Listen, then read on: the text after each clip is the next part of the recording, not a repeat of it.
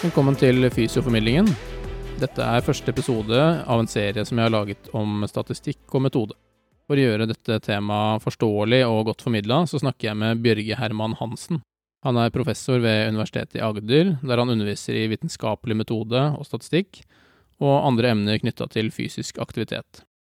Det kan kanskje virke litt spesielt og snevert å snakke om statistikk og metode i en podkast om fysioterapi, men det diskuterer Bjørge og jeg litt innledningsvis i denne episoden, og så går vi over til å snakke om hva en P-verdi er, og kanskje ikke minst hva det ikke er. Hvis du hører på denne og de kommende episodene om metode og statistikk, så kommer du til å få en bedre forståelse for forskning, og ikke minst hvordan du skal tolke resultatene i kvantitativ forskning. Nå sitter jeg på Universitetet i Agder sammen med Bjørge Herman Hansen. Velkommen til podkasten. Tusen takk for det. Eh, jeg tenker at det er fint å starte med at du sier litt om eh, deg selv, og hva du jobber med, og hva du forsker på.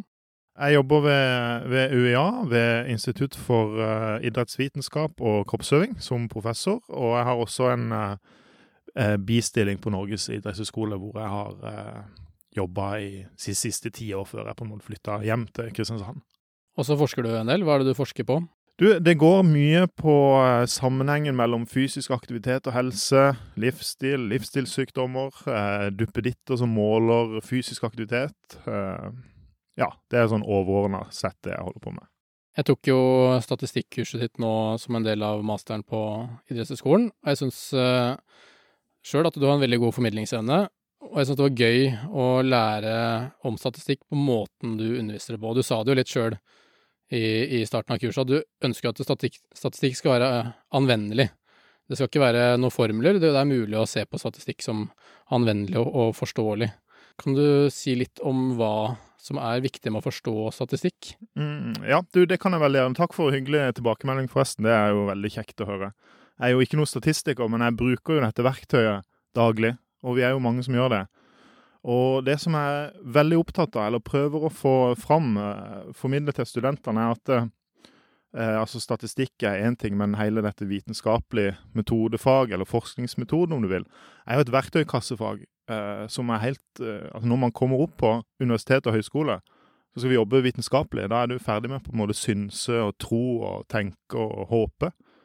Eh, da må vi jobbe på en helt annen måte. Og, og det her altså, forskningsmetode er et verktøykassefag. og og disse verktøyene bruker du i alle fag, uansett om du holder på med idrett, ernæring, folkehelse, økonomi, samfunnsvitenskap. Altså, så det er et sånn verktøykassefag som er helt umulig å skille fra alle disse ulike fagretningene, om det er fysioterapi eller andre ting. Så, så jeg er opptatt av å, å, på en måte avmystifisere det her faget og, og lære å vise studentene at det, det, er egentlig ikke så veldig vanskelig. Det er ikke så veldig mye altså Det er klart det ligger mye matematikk bak alt dette her, men, men det å få det å kunne anvende disse verktøyene, kunne tolke resultatene og kunne ha en sånn fornuftig oppfatning av hva det er det egentlig du ser, det skal ikke så veldig mye til, faktisk. Og det syns jeg er veldig gøy å holde på med.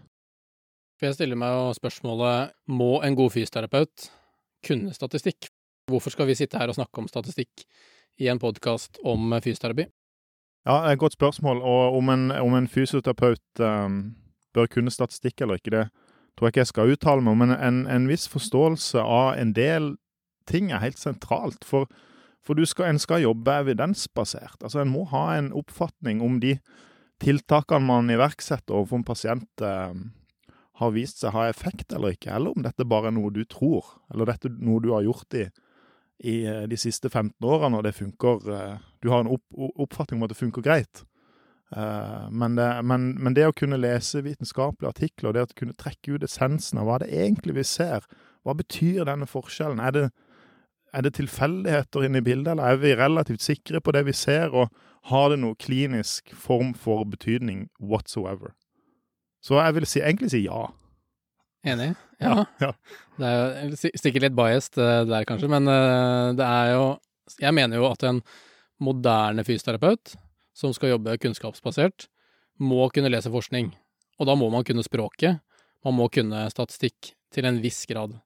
Eh, og når jeg gikk gjennom fysioterapistudiet, så var det jo sånn at vi hadde nesten ikke metode i det hele tatt på Jeg vet ikke om vi hadde det engang på bachelornivå. Så jeg har på en måte først blitt introdusert det for det via deg eh, og ditt kurs på, på masternivå. Og det tenker jeg for min del, det er litt seint. Det skulle gjerne hatt det litt tidligere. Jeg mener at man går gjennom en treårig bachelor hvor man skal forholde seg til forskning. Og da burde man ha et minimum av uh, kunnskap for å forstå det man faktisk uh, leser. Uh, så jeg håper jo at disse episodene som vi gjør nå, kan hjelpe litt på vei. En liten innføring. Og så tenker jeg at det er en liten sånn modningsprosess. Det er masse, selvfølgelig, som ikke jeg forstår av også det du har lært meg.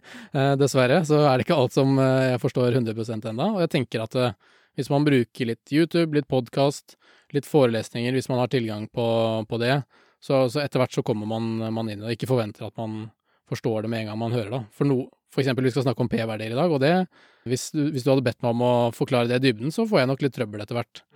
Uh, jeg tror jeg skulle klart å, å komme fram med en setning som gir mening, men, men, jeg får nok litt trøbbel i, i dybden der, da. Ja, og de fleste har nok eh, eh, Sliter nok med det.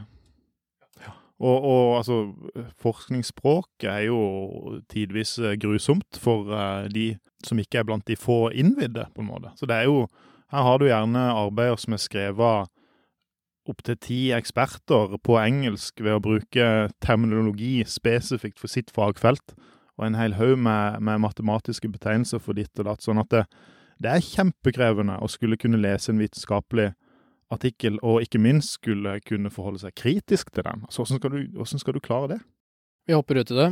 Eh, vi starter eh, med P-verdier, og så skal vi komme litt inn på konfidensintervaller og effektstørrelser. Og litt sånn samlebetegnelse for de er jo at dette handler om resultater som blir presentert i vitenskapelige artikler, og hvordan man skal forstå det. Så, så kan vi starte med P-verdi og si noe om eh, hva det er, og hvordan de brukes. Jo, det kan jeg gjøre. Eller jeg kan iallfall prøve. Um, når vi snakker om P-verdier, så snakker vi om sannsynligheter. P-en står for probability, som betyr sannsynlighet. Uh, så det første vi må gjøre, er å ha et visst begrep om sannsynlighet. Sånn, hva er sannsynlighet? For Sannsynligheten for syv på en sånn én til seks-terning, den er null. Sannsynligheten for at, uh, at, eksamen kommer i et fag, den er én. Og så har du, en, en, har du et uendelig antall sannsynligheter innimellom der. Så eh, når vi tenker sannsynligheter og P-verdier, så tenker vi Så sier P-verdien noe om Hvis vi går rett til kjernen av det, så sier en P-verdi Hvis du har et resultat, og du har en P-verdi Hvis den P-verdien er lav, så betyr det at det er en lav sannsynlighet for at det du ser i dine data, vil være sånn det er, gitt at det motsatte er sant. Og det her er jo en setning som kan kvele hvem som helst. Men den korrekte definisjonen av en p-verdi er nettopp det. Det er sannsynligheten for at du ser det du ser i dine data, hvis det ikke er sant. For når vi forsker, så bedriver vi det vi kaller for hypotesetesting. Så hvis du har en problemstilling, kan være hva som helst, har denne behandlingen en effekt? Så er spørsmålet eh, enten så har han en effekt, eller så har han ikke en effekt. Og måten vi på en måte angriper en sånn problemstilling statistisk, er at vi lager to hypoteser. En H0-hypotese og en H1-hypotese. H0-hypotesen den sier alltid det samme. Det er ingen effekt. H1-hypotesen, som på en måte er jo forskningsspørsmålet ditt, om du vil, sier at det, det er en effekt. Og vi tester alltid, når vi gjør en statistisk analyse, uansett hva fagfeltet vårt er, så tester vi om vi skal beholde eller forkaste den H0-hypotesen. Så den som sier at det er ingen effekt. Og vi, vi, setter, vi, setter, opp Før vi starter, så setter vi opp en grense på for hvor, hvor stor risiko aksepterer vi for å eh, gjøre en sånn type feiltolkning. Eh, så vi, vi, sier som regel at det, OK, vi aksepterer opp til 5% usikkerhet når vi, skal, når vi skal ut og konkludere. Så vi aksepterer en 5 risiko for at eh, det jeg ser i mine data, faktisk ikke stemmer overens med virkeligheten. Og den P-verdien som vi får ut når vi trykker på play i Excel, eller SPSS eller et eller annet sånt program, den forteller oss den hvor den sannsynligheten er, så hvor stor er sannsynligheten for at det jeg ser, er tilfeldig eller ikke. Og Hvis den ligger under den på en måte lista vi har lagt i form av signifikansnivået vårt, som er 5% så konkluderer vi da med at vi har, har, har funnet en effekt eller funnet en forskjell Altså at gruppe 1 skiller seg fra gruppe 2. For at de som har vært under behandling, skiller seg på et eller annet utfall, kontra de som har hatt en annen type behandling, eller ikke hatt noen behandling i det hele tatt. Så det, det, er, en, det er en lang og kronglete vei å beskrive disse P-verdiene, men vi er jo selv om uh, man skal være veldig forsiktig med å tolke de, så, så de, finnes det jo fremdeles i omtrent enhver vitenskapelig artikkel. Så vi er nødt til å forholde oss til dem på en måte. Skal man uh, tolke en P-verdi todelt, dikotomt, eller er det et, et, på en måte et kontinuum av mulige sannsynligheter for å uh, begå en feil? For det er en, en liksom misoppfatning mange har, at det er, er 0,05 som gjelder 5% sjanse for å gjøre en feil. Ja, det er et kjempegodt spørsmål du stiller. Uh, og akkurat hvor den 5 %-grensa kommer fra, det vet jeg ikke. Den tror jeg er såkalt uh, arbitrær. Um, hvorfor er det, er det noe magisk med 5% usikkerhet kontra 4,9% usikkerhet, eller 5,1% usikkerhet? Det, er jo ikke det. Uh, men det er nå sånn at en har satt denne her cutoff-verdien. Men det, det er ikke lenger Eh, godt nok å bare si at eh, vår P-verdi var mindre enn 0,05. Eh, Vi må i hvert fall oppgi hvor lav han faktisk var. For det, hvor lav han var, gir oss noe tilleggsinformasjon. Sånn at det, det er akkurat som du sier, er en, du kan tenke på disse P-verdiene som en, en, kontinuerlig variabel, ikke bare en over- eller under-variabel. For da mister vi fryktelig mye informasjon. Og så uh, nevnte du noe om uh, effekt, men sier, uh, sier egentlig P-verdien om vi har fått en effekt eller ikke av f.eks. et fysioterapeutisk tiltak, en behandling? Det den sier, er om vi skal beholde eller forkaste H0-hypotesen. Uh, sånn at den sier om forskjellen er statistisk signifikant eller ikke. Han sier ingen verdens ting om den er klinisk signifikant eller ikke. Om den har en klinisk betydningsfull forskjell eller en folkehelsemessig betydningsfull forskjell. Det er så mange elementer som spiller inn i det å komme ut med en P-verdi. Eh, blant annet hvor stor undersøkelse du er. Jeg har selv publisert eh, artikler hvor man finner en forskjell på 0,1 millimeter kvikksølv i blodtrykk mellom to grupper. Det er ikke en betydningsfull forskjell i det hele tatt, men den er faktisk statistisk signifikant. Men det er bare fordi at det var jeg tror det var en sånn rundt 20 000 deltakere i hver, i hver gruppe. Så det, det, er et mønster i de dataene. Det er en tendens som vi er ganske sikre på at er der. Men den absolutte forskjellen er jo kjempeliten. Sånn at det, når det kommer til å tolke P-verdiene, så, så, holder det ikke med en P-verdi i seg sjøl. Du må hive, hive, med noe mer. Og det første du kikker på, er jo de Hva er de faktiske forskjellene? Hva er framgangen til denne gruppa med pasienter som undergikk en spesiell type behandling? Hva var fremgangen, eller hvor mye lavere eller høyere score fikk de på en eller annen smerteskala eller en funksjonsskala? Sånn at eh, du er nødt til å koble P-verdier, som bare er en resultat av en matematisk tygging av akkurat dine data. Så du er nødt til å koble på ditt kliniske skjønn her. Så, så, så til sammen så ble de to tingene veldig sterke. Det holder på ingen, ingen som helst måte å bare si at her har vi en signifikant P-verdi, så da, da, er det gode resultater, og da kan vi, et, eh, da kan vi fortsette med dette tiltaket. Nei, en, en, må vurdere på en måte betydningen av funnene.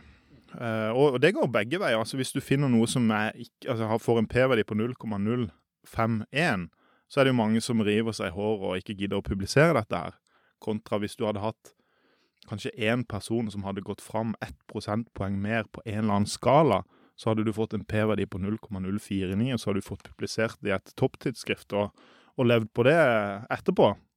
Eh, og det gir jo ikke mening i det hele tatt. Sånn at eh, heldigvis så, så, er det jo en drive mot eh, ikke å fjerne P-verdier, men i hvert fall at en må supplere med ganske mye tilleggsinformasjon når man publiserer forskning. Og da, Det gjør det også lettere, det gjør det også lettere for, for, dere, altså for brukerne sant, å, å, lese dette og tolke dette. for det det er viktig informasjon at eh, forskjellen vi ser er såpass eh, tydelig eller stabil eller konsist konsistent at eh, P-verdien blir lav.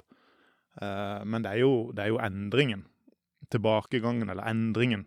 Endringen i styrke, endringen i funksjon, endring i smerte, bevegelse, you name it, som er det interessante her.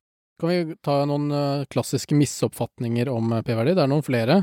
Jeg kan kaste ut noen som jeg har funnet. Hvis du har en p-verdi som er under 0,05, uh, kan man da si at det er en årsakssammenheng mellom tiltaket og effekten?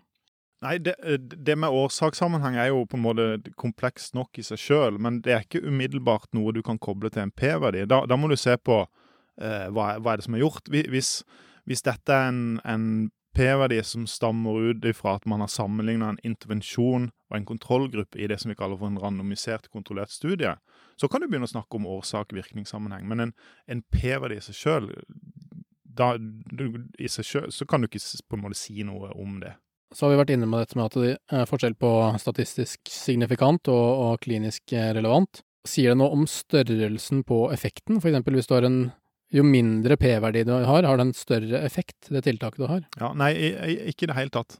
Det det egentlig sier noe om, er jo i større grad hvor mange folk du har hatt med i forsøket ditt, f.eks. For sånn som det, det, det er fortalt om i stad. Men en p-verdi sier ingenting om betydningen av den forskjellen du faktisk ser. Det, det kan ikke en statistisk analyse avgjøre for deg. Er, er, du, du, kan, du, kan, hive på noe som vi kaller for effektstørrelser, som hjelper deg til å tolke om en forskjell er stor eller liten, men til syvende og sist så er det ditt kliniske skjønn av hva betyr en framgang på en skala på ett punkt, f.eks. For eksempel en sånn her vassskala i smerte noen har gått ned med ett et, et skalapoeng. Hva, hva, betyr det for denne personen? Har det noe å si for uh, funksjon i dagliglivet? Har det noe å si for kostnader for helsevesen? Altså, kommer på hva du, er, hva du er interessert i å uh, peke på, da. Et ikke-signifikant uh, funn, betyr det at du har et mislykka eksperiment? Nei, ikke i det hele tatt. Og ofte kan det jo bety eh, at du har et veldig, eh, veldig bra, bra, prosjekt. For det er jo ikke alltid at det fins en forskjell i virkeligheten, eller at et forsøk eller en, behandling faktisk har en effekt. Så tvert imot, det betyr ikke det i det hele tatt. Det viser bare det at du må beholde nullhypotesen din, som sier at det er ingen forskjell. Og dessverre så er det sånn at uh, ting som ikke er signifikante, har en tendens til å uh, ikke bli publisert. Det er faktisk sånn enda. Nå har du, Det begynner å bli bedre. Nå har du egne tidsskrifter som på en måte fokuserer på å publisere såkalte nullfunn-studier. Men det, det, det, det, er kjempeproblematisk, akkurat det du peker på der. For det betyr at når noen skal eh, oppsummere all tilgjengelig litteratur på ett felt, f.eks. en eller annen form for behandling, så er det nesten håpløst å begynne å rote rundt i enkeltstudier. Så vi trenger sånne kunnskapsoppsummeringer for å få state of the art. Eh, hva, hva er det som gjelder på dette og dette fagfeltet? Men det er klart, når man skal oppsummere all tilgjengelig litteratur på ett felt, og det er sånn at eh, gode studier som viser til ingen effekt, ikke blir publisert, så ble jo hele, ble, hele bildet vårt ble helt skeivt. Det er et eksempel på noe som kalles som publiseringsbias, som er faktisk et, et betydelig problem av at noen har satt denne ja-nei-grensa på 0,05. Så det er ganske interessant. Egentlig litt banalt, men eh, likevel stor eh, konsekvens. Bare en kultur som har kommet og Absolutt. Mm. Det er et eh, fenomen som heter p-hacking, som man gjerne kan komme utfor av det. Ser vi jo litt i sånn type reklamer og sånn, hvor man påstår at det er Eh, signifikante funn på forskjellige kremer og, og sånn. Det, dette stammer jo litt i, i p-hacking. Hva er det? Jo, p-hacking eller uh, fisking uh, er jo et problem. Um, og det, det, kan være det blir et litt sånn langt uh, resonnement fra meg nå, men vi er tilbake igjen til dette her fenomenet om at vi aksepterer um, 5 usikkerhet for å konkludere feil. Og hva betyr det? Jo, det betyr jo egentlig at hvis du gjør x antall forsøk, så før eller seinere så vil jo du bli ramma av den usikkerheten, som gjør at du har noen data som viser en signifikant forskjell, men det er bare tilfeldig. Så det som skjer da, er at hvis du har samla inn masse data om noe, og så kjører du masse analyser, og så er det én av 25 analyser som viser at her er det en signifikant sammenheng mellom et eller annet og en eller annen sykdom så publiserer du det. Så lar du være å publisere alt det som viste ikke-signifikante forskjeller. Sånn at det, man går og leiter etter ting som popper ut av dataene som signifikante, og så formidler man det. Fordi at eh, du Ja, ikke sant, det vi snakka om, at det er lettere å få publisert eh, ting som eh, er signifikante. Kjempestort problem. Så eh, det er rett og slett phishing eller p-hacking. Det, det, er å kna og kna og kna dataene til plutselig et eller annet popper ut som signifikant. Og det, det, det er så mange eksempler på sånne ting. Et eksempel som jeg bruker, bruker mye i undervisning, er en studie som heter The Cookbook Experiment. Som illustrerer hvorfor vi som eh, befolkning er litt sånn forvirra når det kommer til dette med kosthold. For det er jo stadig nye ting i media, og foreldrene våre sier nei, men jeg kan ikke spise det, for det er usunt, og sjokolade er sunt, vin er sunt, eh, bananer er overhodet ikke sunt. Eh, det er veldig mye sånn eh, vanskelig å navigere i mye av dette her. Det var en gruppe som tok for seg en tilfeldig kokebok. Valgte ut tilfeldig 50 ingredienser. For hver enkelt ingrediens så de, gjorde de en review av litteraturen. Sammenheng mellom inntak av det aktuelle eh, mattypen eller næringsstoffet opp mot risiko for å utvikle kreft. Og for samtlige næringsstoffer så var det studier som viste økt risiko for utvikling av kreft ved høyt inntak av nevnte næringsstoff, og det var studier som viste redusert risiko for utvikling av kreft. Så da har det ikke lenger noen ting med disse matvarene å gjøre, det er det andre ting som ligger bak og forstyrrer. Men når du da gjør hundrevis av analyser og kun publiserer de som var signifikante, så mister du fullstendig kontrollen på om dette er betydningsfullt eller ikke, eller om dette er noe som fysiologisk f.eks. gir mening. Strålende. Da håper jeg at uh, de som, som, hører på, har fått et bedre inntrykk av hva en p-verdi er. Um, har du noen tips til litteratur hvor man kan finne noe, noe mer om den, det temaet? Ja, jeg har faktisk det. For uh, på um, Tidsskriftet for Norsk legeforening så, de, ehm, så finner du et, et område på nettsida som heter Data. Og der ligger det flotte, korte artikler om ting som er relevante for klinikere. Skrevet på norsk, skrevet enkelt og skrevet veldig godt. Eh, så det vil jeg anbefale. Jeg skal legge ut linken til det i episodebeskrivelsene. Hvis folk har les, lyst til å lese litt mer om, om, din forskning, hvor kan de finne, finne deg? Ja, du, Jeg har en profil på, på ResearchGate som man kan sjekke ut. Eh, hvis du googler navnet mitt eh, pluss eh, UiA eller pluss NIH, så kommer det opp linker til, til ting som vi har jobba med, og, og, og den her databasen eh, PubMed, eksempel, så, så finner han mye, mye, av dette her. Og så går det lov å kontakte meg hvis det er noe spesielt. Strålende. Tusen takk.